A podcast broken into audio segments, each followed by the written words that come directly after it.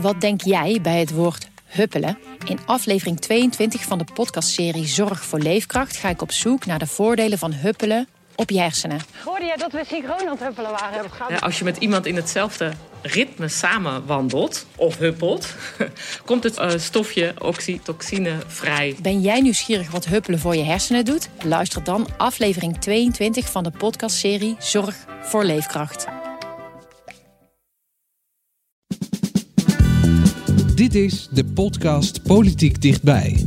Met Leendert Beekman en Tobias Den Hartog. In een half uur praten we weer bij over de stand van zaken op het Binnenhof. En we hebben het natuurlijk over de formatie die richting dag 100 kruipt. Dat is veel hè, Tobias? Dat is veel, ja. ja. Meer dan gemiddeld. Ja, maar we kregen ook ontzettend goed nieuws bij de persconferentie afgelopen vrijdag. Want het zit er bijna op. Vanaf aanstaande zaterdag zijn er zo goed als geen coronamaatregelen meer. Alles wat op anderhalve meter kan, mag vanaf zaterdag 26 juni weer. Dus thuis gasten ontvangen, samen voetballen kijken of met vrienden in het park afspreken kan vanaf zaterdag de 26e op anderhalve meter zonder verdere restricties. Heerlijk nieuws. En wat we eigenlijk verwacht hadden, een groot volksfeest op het moment dat dit aangekondigd zou gaan worden. Maar die bleef uit, hè? Weinig kijkers.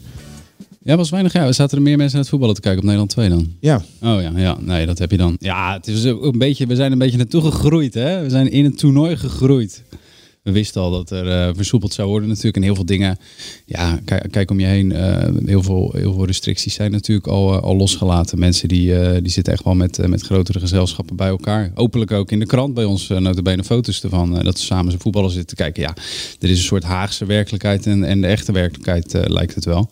En Den Haag heeft een beetje bijgetrokken. En die zijn ook naar de echte werkelijkheid toegegaan. Ja, jij noemt nu het voetbal kijken. Ja. daar is nogal veel om te doen geweest. Ja rondom het voetbal kijken. Ten eerste omdat onze koning een bezoekje bracht aan een oranje straat in Den Haag. En daar, nou ja, daar ging hij handjes schudden met mensen op de foto. Uh, eigenlijk uh, doen wat we gewend van hem zijn. Uh, in ieder geval wat betreft met mensen op de foto gaan, wat, niet, wat niet mag. Dat heeft hij in Griekenland bij een Ober natuurlijk ook al een keertje gedaan, waar veel ophef over was. Ja. En nou, nu weer veel ophef. Rutte zei daar het volgende over. Het was echt zo ingericht om de anderhalve meter en alle dingen goed te doen. Uh, maar het werd ineens toch onverwacht heel erg druk. Uh, en hij baalt er zelf ook ontzettend van. Maar daardoor was het uiteindelijk niet mogelijk om die anderhalve meter uh, te houden. Dus dat is vervelend. maar er is echt, alle pogingen zijn gedaan om het netjes te doen. Dit is toch ongelooflijk? Hadden we niet verwacht. Alle pogingen zijn gedaan om het, uh, om het netjes te doen. Hoe bedoel je hadden we niet verwacht? Die gaat vlak voor een wedstrijd van het Nederlands elftal naar de Oranje Straat van Nederland. Ze hebben daar echt werkelijk waar. Je kan een baksteen maar zien. Alles is, uh, is ingepakt in oranje. Je, je komt daar met de koning, toch geen onbekend persoon. Uh, ja, daar komen mensen op af. Dat is, dat had ik van tevoren, denk ik, wel verwacht. Ja, dat is één ding. En het tweede is, uh, hij pakt uh, de eerste beste uitgestoken hand, die pakt hij aan en uh, schudt die man de hand. Ja, dat kan nog zo druk zijn. Je kan nog altijd zeggen van, nee, ja meneer, dat, was, dat, is, dat zijn de afspraken niet momenteel. Dus dit is natuurlijk apenkool. Je zag ook Rutte bij naar binnen gaan. er wordt dan aan ons doorgegeven, nou, Rutte die wil wel reageren erop, hè, want anders ettert zoiets natuurlijk voort. Ja. Vrijdag was dat. Dus dan krijg je een berichtje van de Rijksvoorlichtingsdienst van, nou, Rutte wil straks straks wel iets even, even zeggen namens de koning of namens het kabinet in reactie. Ja, dan, dan, dan doet hij dat vlak voor de formatie, waarbij hij ja, moet naar binnen toe. Dus uh, er is een afspraak en dan zegt hij, uh, ja jongens, laten we het nou niet groter maken dan het is. Laten we het nou niet groter maken dan het is. En hij beent weg bij de microfoon. Ja, het is een en al ongemak, want het is ook niet goed te praten. Hè? Maxima zou zeggen, het was een beetje dom.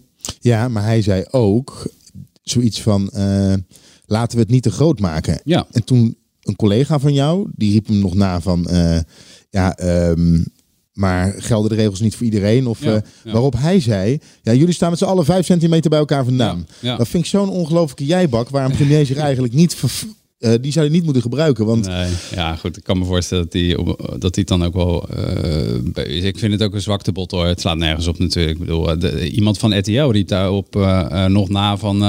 ja, dat kan allemaal wel wezen. Hè? Maar, maar, wij, wij hebben tenminste nog een mondkapje op. En we proberen het wel. Hè? Door, door je werk moet je af en toe dichter op elkaar kruipen dan, dan je zou willen. Dat is ook niet goed te praten. Dat zeg ik ook direct. Maar ja, dan, dan staan daar in ieder geval nog mensen met een mondkapje op en die, die nog een poging doen. Dat is nog iets anders dan de koning met een voorbeeldfunctie die met zijn uitgestoken hand naar een eh, bewoner in Den Haag eh, Ja. stiefelt. Ja, ik vind dat wel eh, appels met peren eigenlijk. Dit is niet goed te praten. En dit is natuurlijk de zoveelste uitgeleider van de koning. Hè. Die, die, die vakantie in Griekenland was, was de ergste nog, zullen we zeggen. Mhm. Ja, Maar dan hebben we ook nog Vert Grapperhaus. Die spreekt zich hier dan ook over uit. ja. En nou is hij er al vaker op gewezen dat hij Die tijdens van die bruiloft, ja, die van die ja, bruiloft, ja. waar, eh, waar, die, waar die zelf en zijn gasten zich niet aan de coronaregels hielden Mhm. vorig jaar, ja. eh, is blijven zitten. Hij heeft hier nu een mening over. Dat blijft ongeloofwaardig overkomen. Ja, dat vind ik ook. Dat poets je niet meer goed. Nee, dat, dat zal hem blijven. Hij heeft eh, onlangs een boekje geschreven. Eh Grappenhuis, waarin hij eh, een soort van terugblikt op zijn eh, ministerschap. En eh, ook wel wat problemen agendeert. Het is een beetje een maatschappelijk boekje, best aardig werkje hoor. Maar daar wijt hij natuurlijk ook eh, een paar eh, eh, bladzijden aan die, eh, aan die bruiloft. En eh, hoe stom en eh, dom en hoe hij dat allemaal niet had moeten doen. Maar ik constateer daar ook, ja, het, dit zal altijd aan mij blijven kleven. Ja, en in, in dit soort gevallen zie je dat dus ook. En Ja. dat is ook zo, ja, dat krijg je niet meer weggepoetst. Nee, en dan over de maatregelen die versoepeld gaan worden. Even snel, geen mondkapjes meer. Restaurants en kroegen gaan, eh, gaan open. We kunnen buiten op de terrassen voetbal met elkaar kijken. Eh, wat mogen we nog meer? We kunnen eigenlijk weer sporten met z'n allen. Ja, zo goed als alle maatregelen die worden losgelaten, behalve die anderhalve meter. Ja, ja, ja, ja. en de mondkapjes dan op, op, op enige plekken. eh, handen zoals in de wassen, trein. Testen bij klachten. Ik ben wel benieuwd hoe dat met, met werk ook gaat zijn. Hè. Dat is natuurlijk iets van werkgevers, werknemers. Hoe we in, in welke mate we thuis eh, zullen blijven werken. Dat gaat natuurlijk wel eh, voor de langere termijn interessant zijn. Maar je zal deze week, eh, de- eh, er staat weer een debat gepland in de Tweede Kamer. Nou, de- woensdag. ja, woensdag eh, over de coronamaatregelen. En daar zal het ongetwijfeld door de oppositie, PVV heeft dat bijvoorbeeld al aangekondigd, gaan over die anderhalve meter. Ja, was ook honengelach over die anderhalve meter. En dan nog even het voetbal. Ja. Eh, vooral op de social media. Zo van ja, eh, hè, wel met elkaar voetbal gaan kijken. eh, maar de anderhalve meter houden. Ja. En nou goed, dat gebeurt nu al niet, zoals jij zei. De, Nee. Onze eigen koning kon het dan niet. Nee. Ja, het wordt natuurlijk heel lastig. Hoe verder het Nederlands elftal komt, hoe moeilijker het gaat worden om ja, op anderhalve meter dat voetbal te kijken. Ja, nou begrijp ik niet zo heel veel van dat, eh, van dat eh, wedstrijdschema waarbij de beste nummer drie of zo doorgaat. Maar ik begrijp dat we een hele zware tegenstander Ja, de kans is groot dat we een zware Ja, tegenstander dus gaan dan eh, krijgen. smoort dat alle discussies. Ja, maar het Nederlands elftal heeft wel vaker gekke dingen laten zien. Hè? Ja, Niet ja, dat we, eh, we hebben slechts één keer een toernooi gewonnen. Ja. Maar ehm, Nee, nee, nee. Maar eh, goed, het is, het is wel iets wat dan lastig gaat worden. Want ga je bijvoorbeeld ook boetes uitdelen op zo'n ehm, eh, terras, weet je wel. Dat is ook lastig. want je hebt gezien, de koning kreeg geen boete. Grappenhuis betaalde hem eigenlijk uit eigen beweging. Ja, al dat soort ehm, sentiment, dat, dat, dat helpt natuurlijk niet. ik wil nog iets laten horen. Want na premier Rutte komt dan Hugo de Jonge. Ja. En ik vond het altijd al een beetje vervelend en langdradig om naar hem te luisteren. Maar ik weet nu, heb ik echt, nu weet ik waarom. hij, hij spreekt ons namelijk gewoon aan alsof we kleine kinderen zijn. Alsof we een beetje debiel zijn.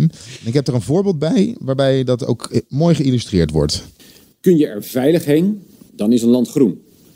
En ook als het land op geel staat, dan kun je er naartoe. Maar let dan wel op, want geel is geen groen. En naar een oranje land reis je alleen als het echt noodzakelijk is. Ja, geel is geen groen. Dit is echt Sesamstraat hoor. Hey.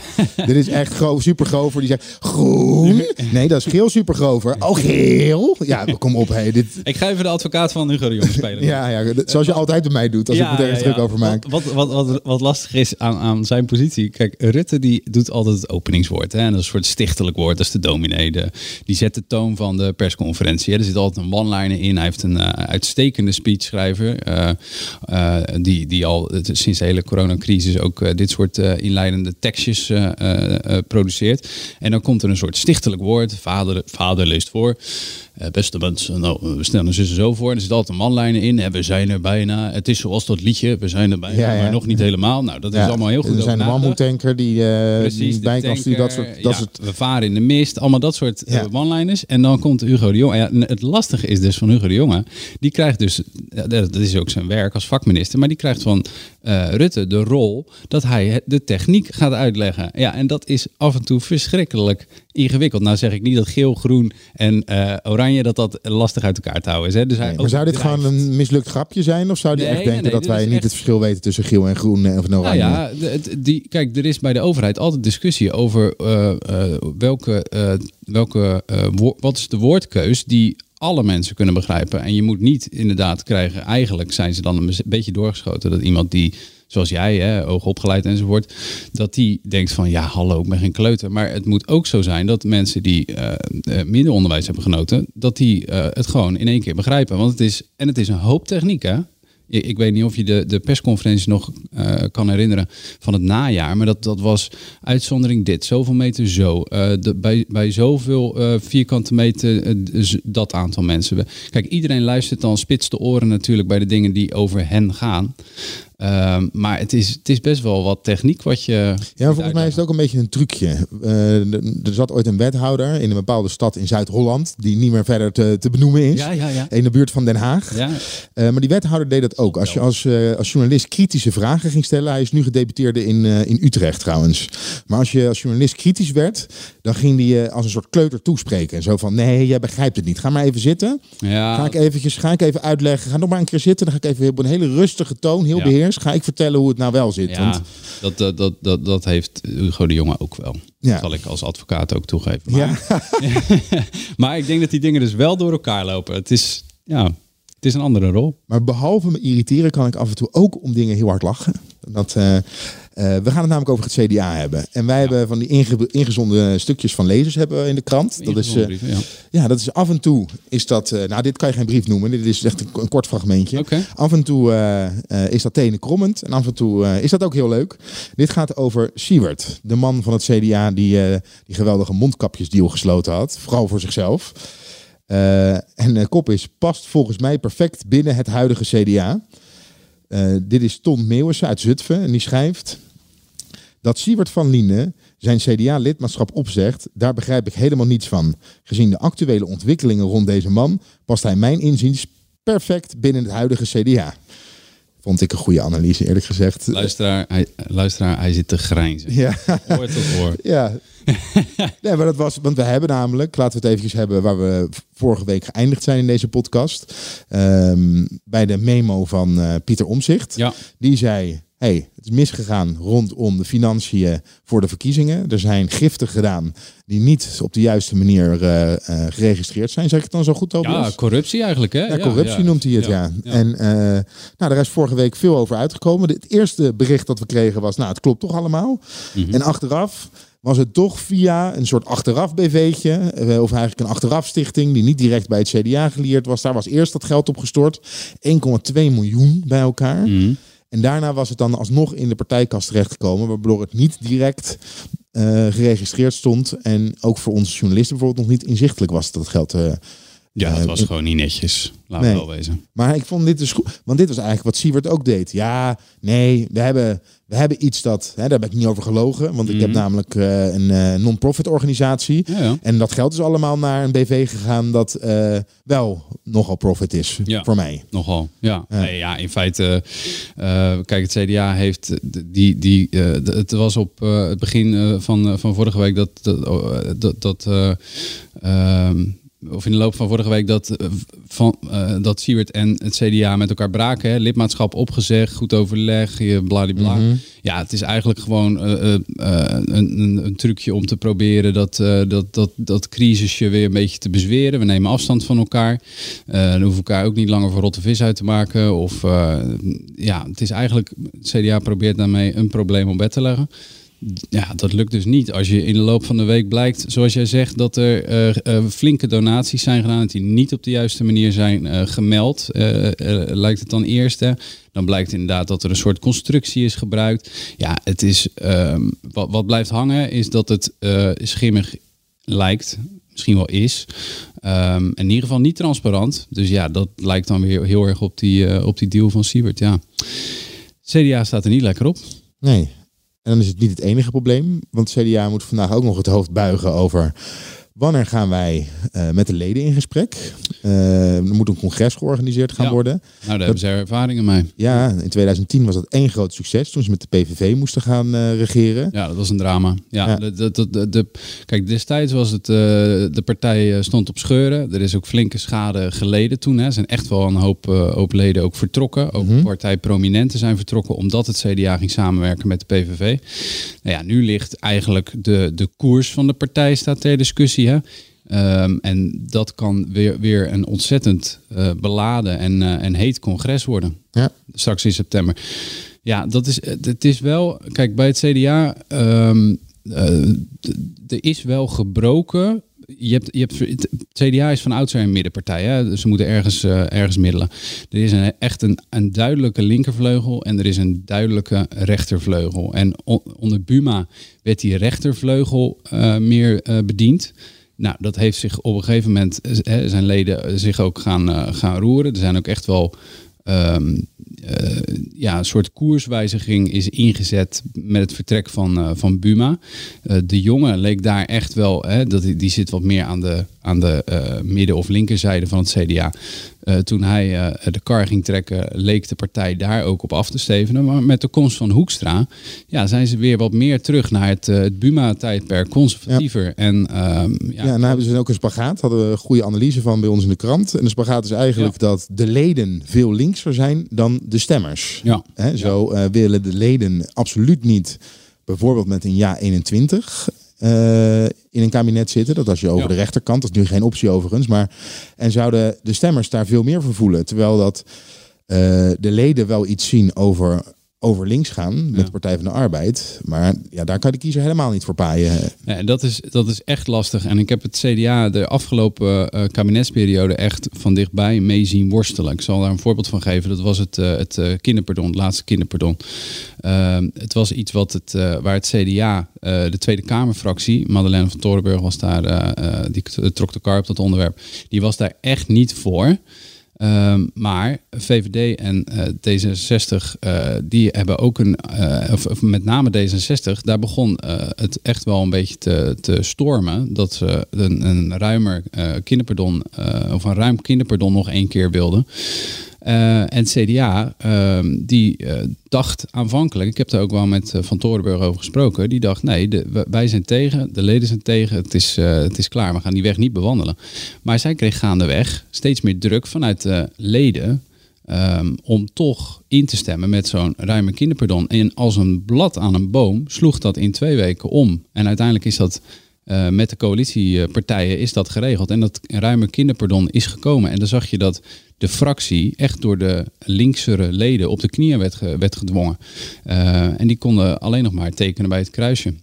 Ehm, en, en ja, het, het is, dat is wel een, iets waar de partij dus af en toe mee kan schipperen. Hè. Dit is dan een soort van elegant. Destijds is dat een soort, eh, soort van elegant opgelost. Ehm, maar het is wel iets wat zich in tijden van crisis, dat er echt ruzie is. En, en er is nu gewoon bonje. Ik bedoel, de, eh, er is, eh, Pieter Omtzigt heeft een enorme aantrekkingskracht, ook, eh, ook bij, de, bij de leden. Ja, in tijden van bonje kun je dat misschien niet zo elegant op, oplossen. En dat zal bij zo'n congres, als Hoekstra de neuzen niet voor die tijd de juiste kant, zijn, zijn kant op krijgt, eh, kan dat echt eh, tot, eh, tot lelijke taferelen eh, leiden. En misschien wel tot een, een scheuring of een Ja. afsplitsing. Ja, ik hoor bij, hè, uit mijn bronnen Ja. dat het echt nu stormt binnen het CDA. dat dat iedereen, iedereen die er maar een beetje toe doet, zijn naam is gevallen in de memo van Omzicht. Ja, ja. En iedereen is ofwel zijn, zijn straatje schoon aan het vegen, of eh, aan het ontkennen of bevestigen. eh, maar het is in ieder geval bijzonder onrustig. Ja. En ik verbaas me er erg over dat dat congres pas in september gehouden gaat worden. Ik snap het ook wel aan de ene kant, hè, want je wil misschien kijken of het even wat rustiger Voelen.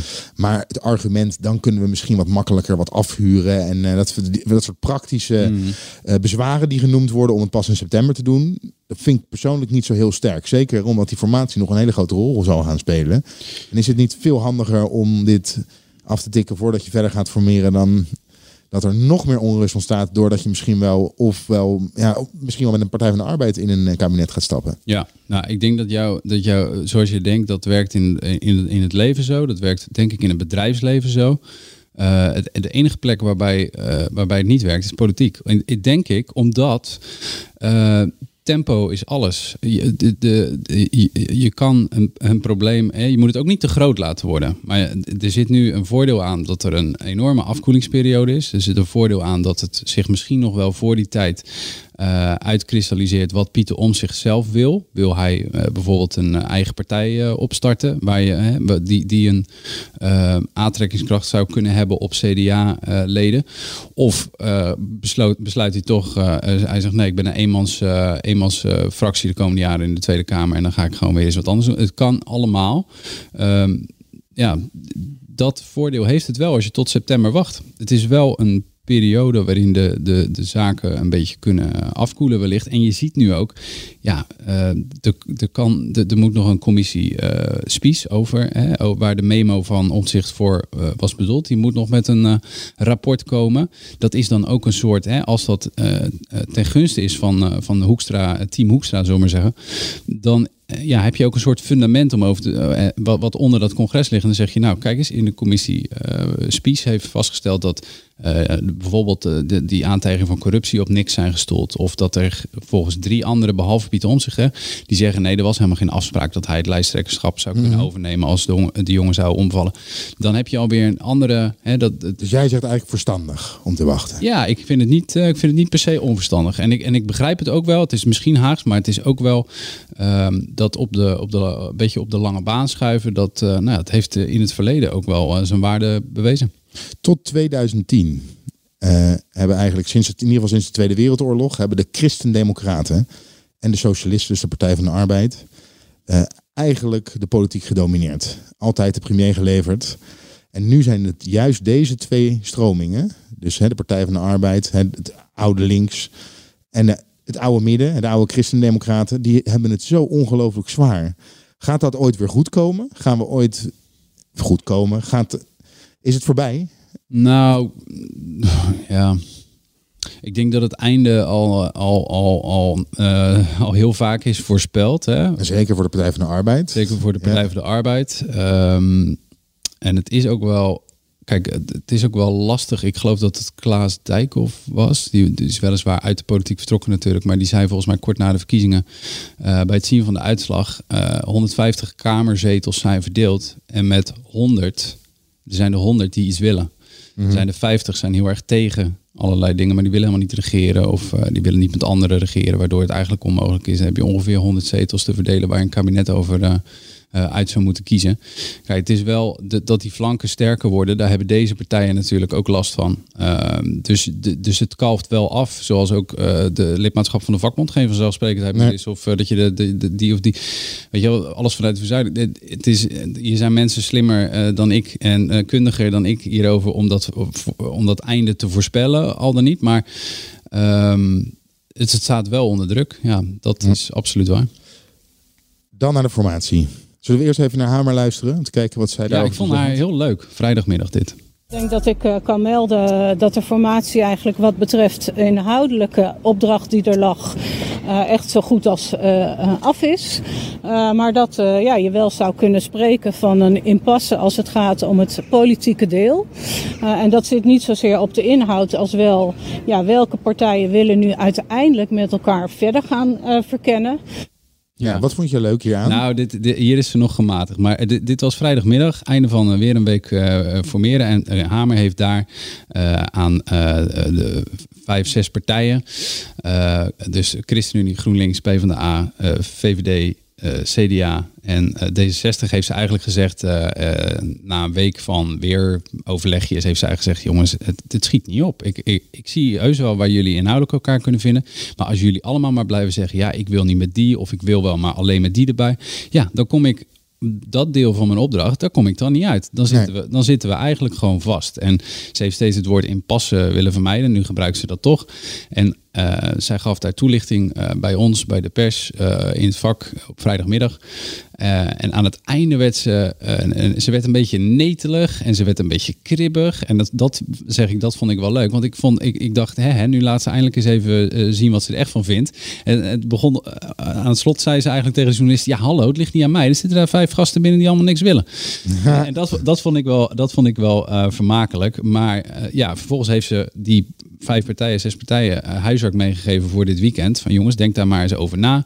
Eh, Ja, vertel eens, het huiswerk. ja, het drie, huiswerk- drie mogelijkheden heeft ze ja, voorgeschoteld. Drie mogelijkheden. De, de eerste mogelijkheid was dat eh, Rutte een soort van eh, blauwdruk voor een regeerakkoord zou schrijven. In zijn eentje. Proeven heet dat, in zijn eentje. Nou, daarvan heeft hij al eh, helemaal aan het begin van de formatie duidelijk laten weten, dat zie ik niet zitten. Want dan ga ik iets schrijven en dan vinden allemaal anderen helemaal niks. En dan gaan ze het zo aanpassen dat ik het uiteindelijk helemaal niks vind.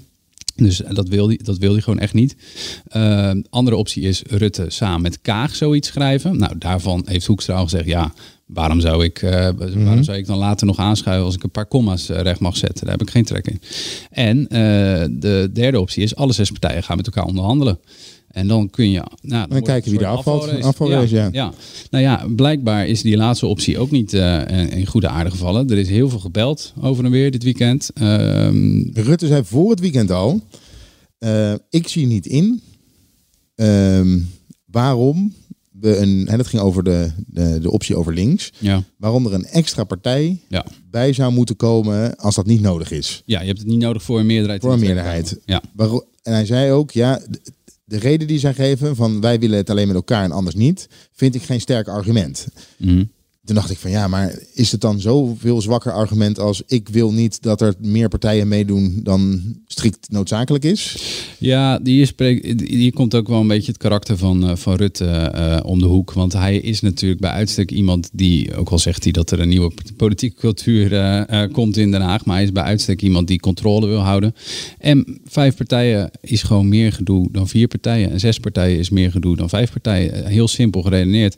Je hebt minder te managen en hij wil die eh, lijnen zo kort mogelijk houden. Hij, eh, hij wil eh, korte opdrachten, korte aanmoedigingen, korte afwijzingen kunnen versturen, liefst per sms. En zo wil hij de zaak managen. Dat doet hij al jaren zo. Dus in zijn optiek, eh, vanuit zijn karakter, ja, is het te begrijpen dat hij zegt, ja, hoe minder gedoe, hoe beter. Wat ik ook wel opvallend vond over het herstelplan, want er liggen twee opdrachten. Eén Ja. herstelplan, wat doen we na corona, en de ander een nieuw kabinet vormen. En daar allemaal speerpunten bij, eh, bij verzinnen en in een regeerakkoord zetten.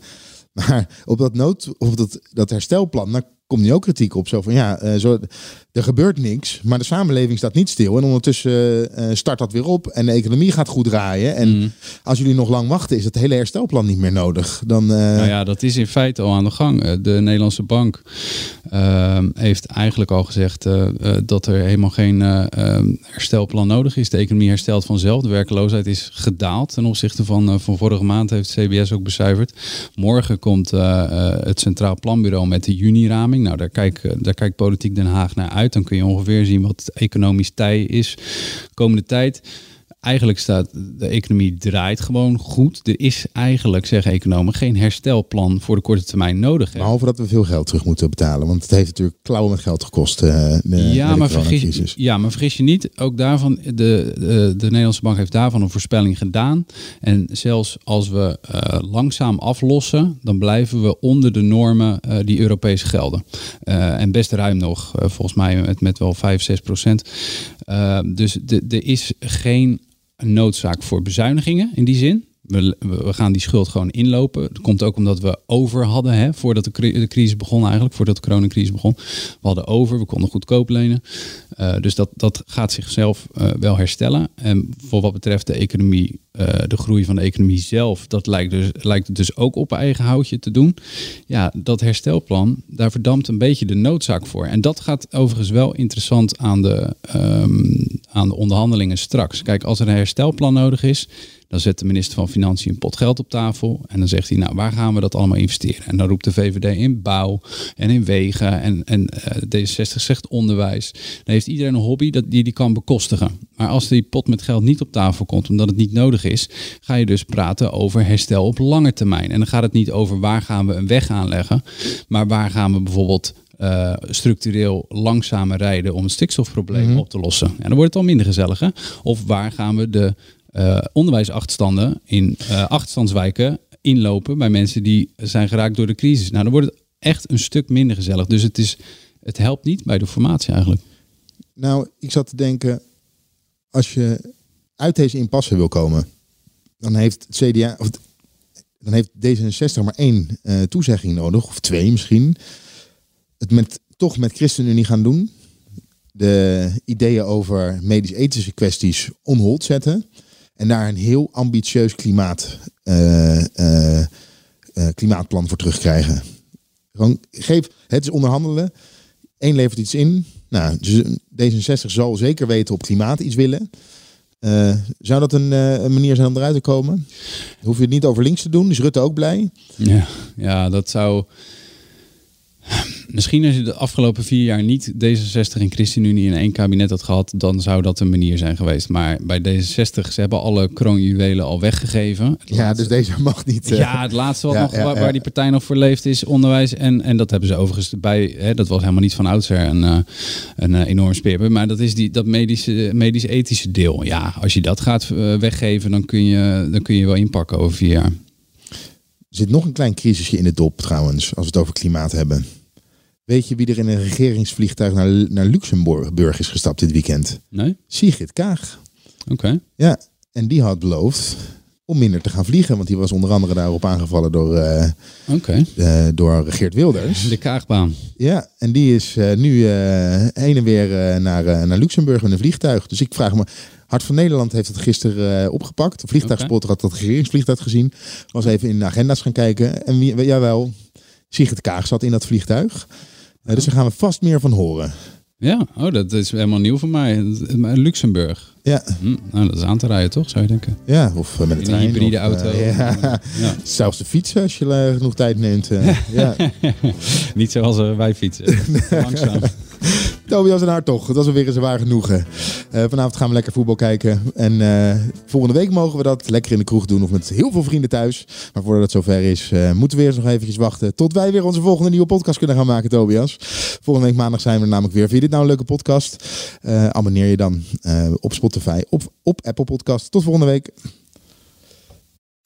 We worden dagelijks overladen met overbodige informatie. En het is moeilijk de zin van de onzin te scheiden. Daarom vertrouw ik op echte journalisten in plaats van meningen. Een krantenmens heeft het gemakkelijk. Word ook een krantenmens en lees je favoriete krant nu tot al zes weken gratis. Ga snel naar krant.nl. Bezorging stopt automatisch en op deze actie zijn actievoorwaarden van toepassing.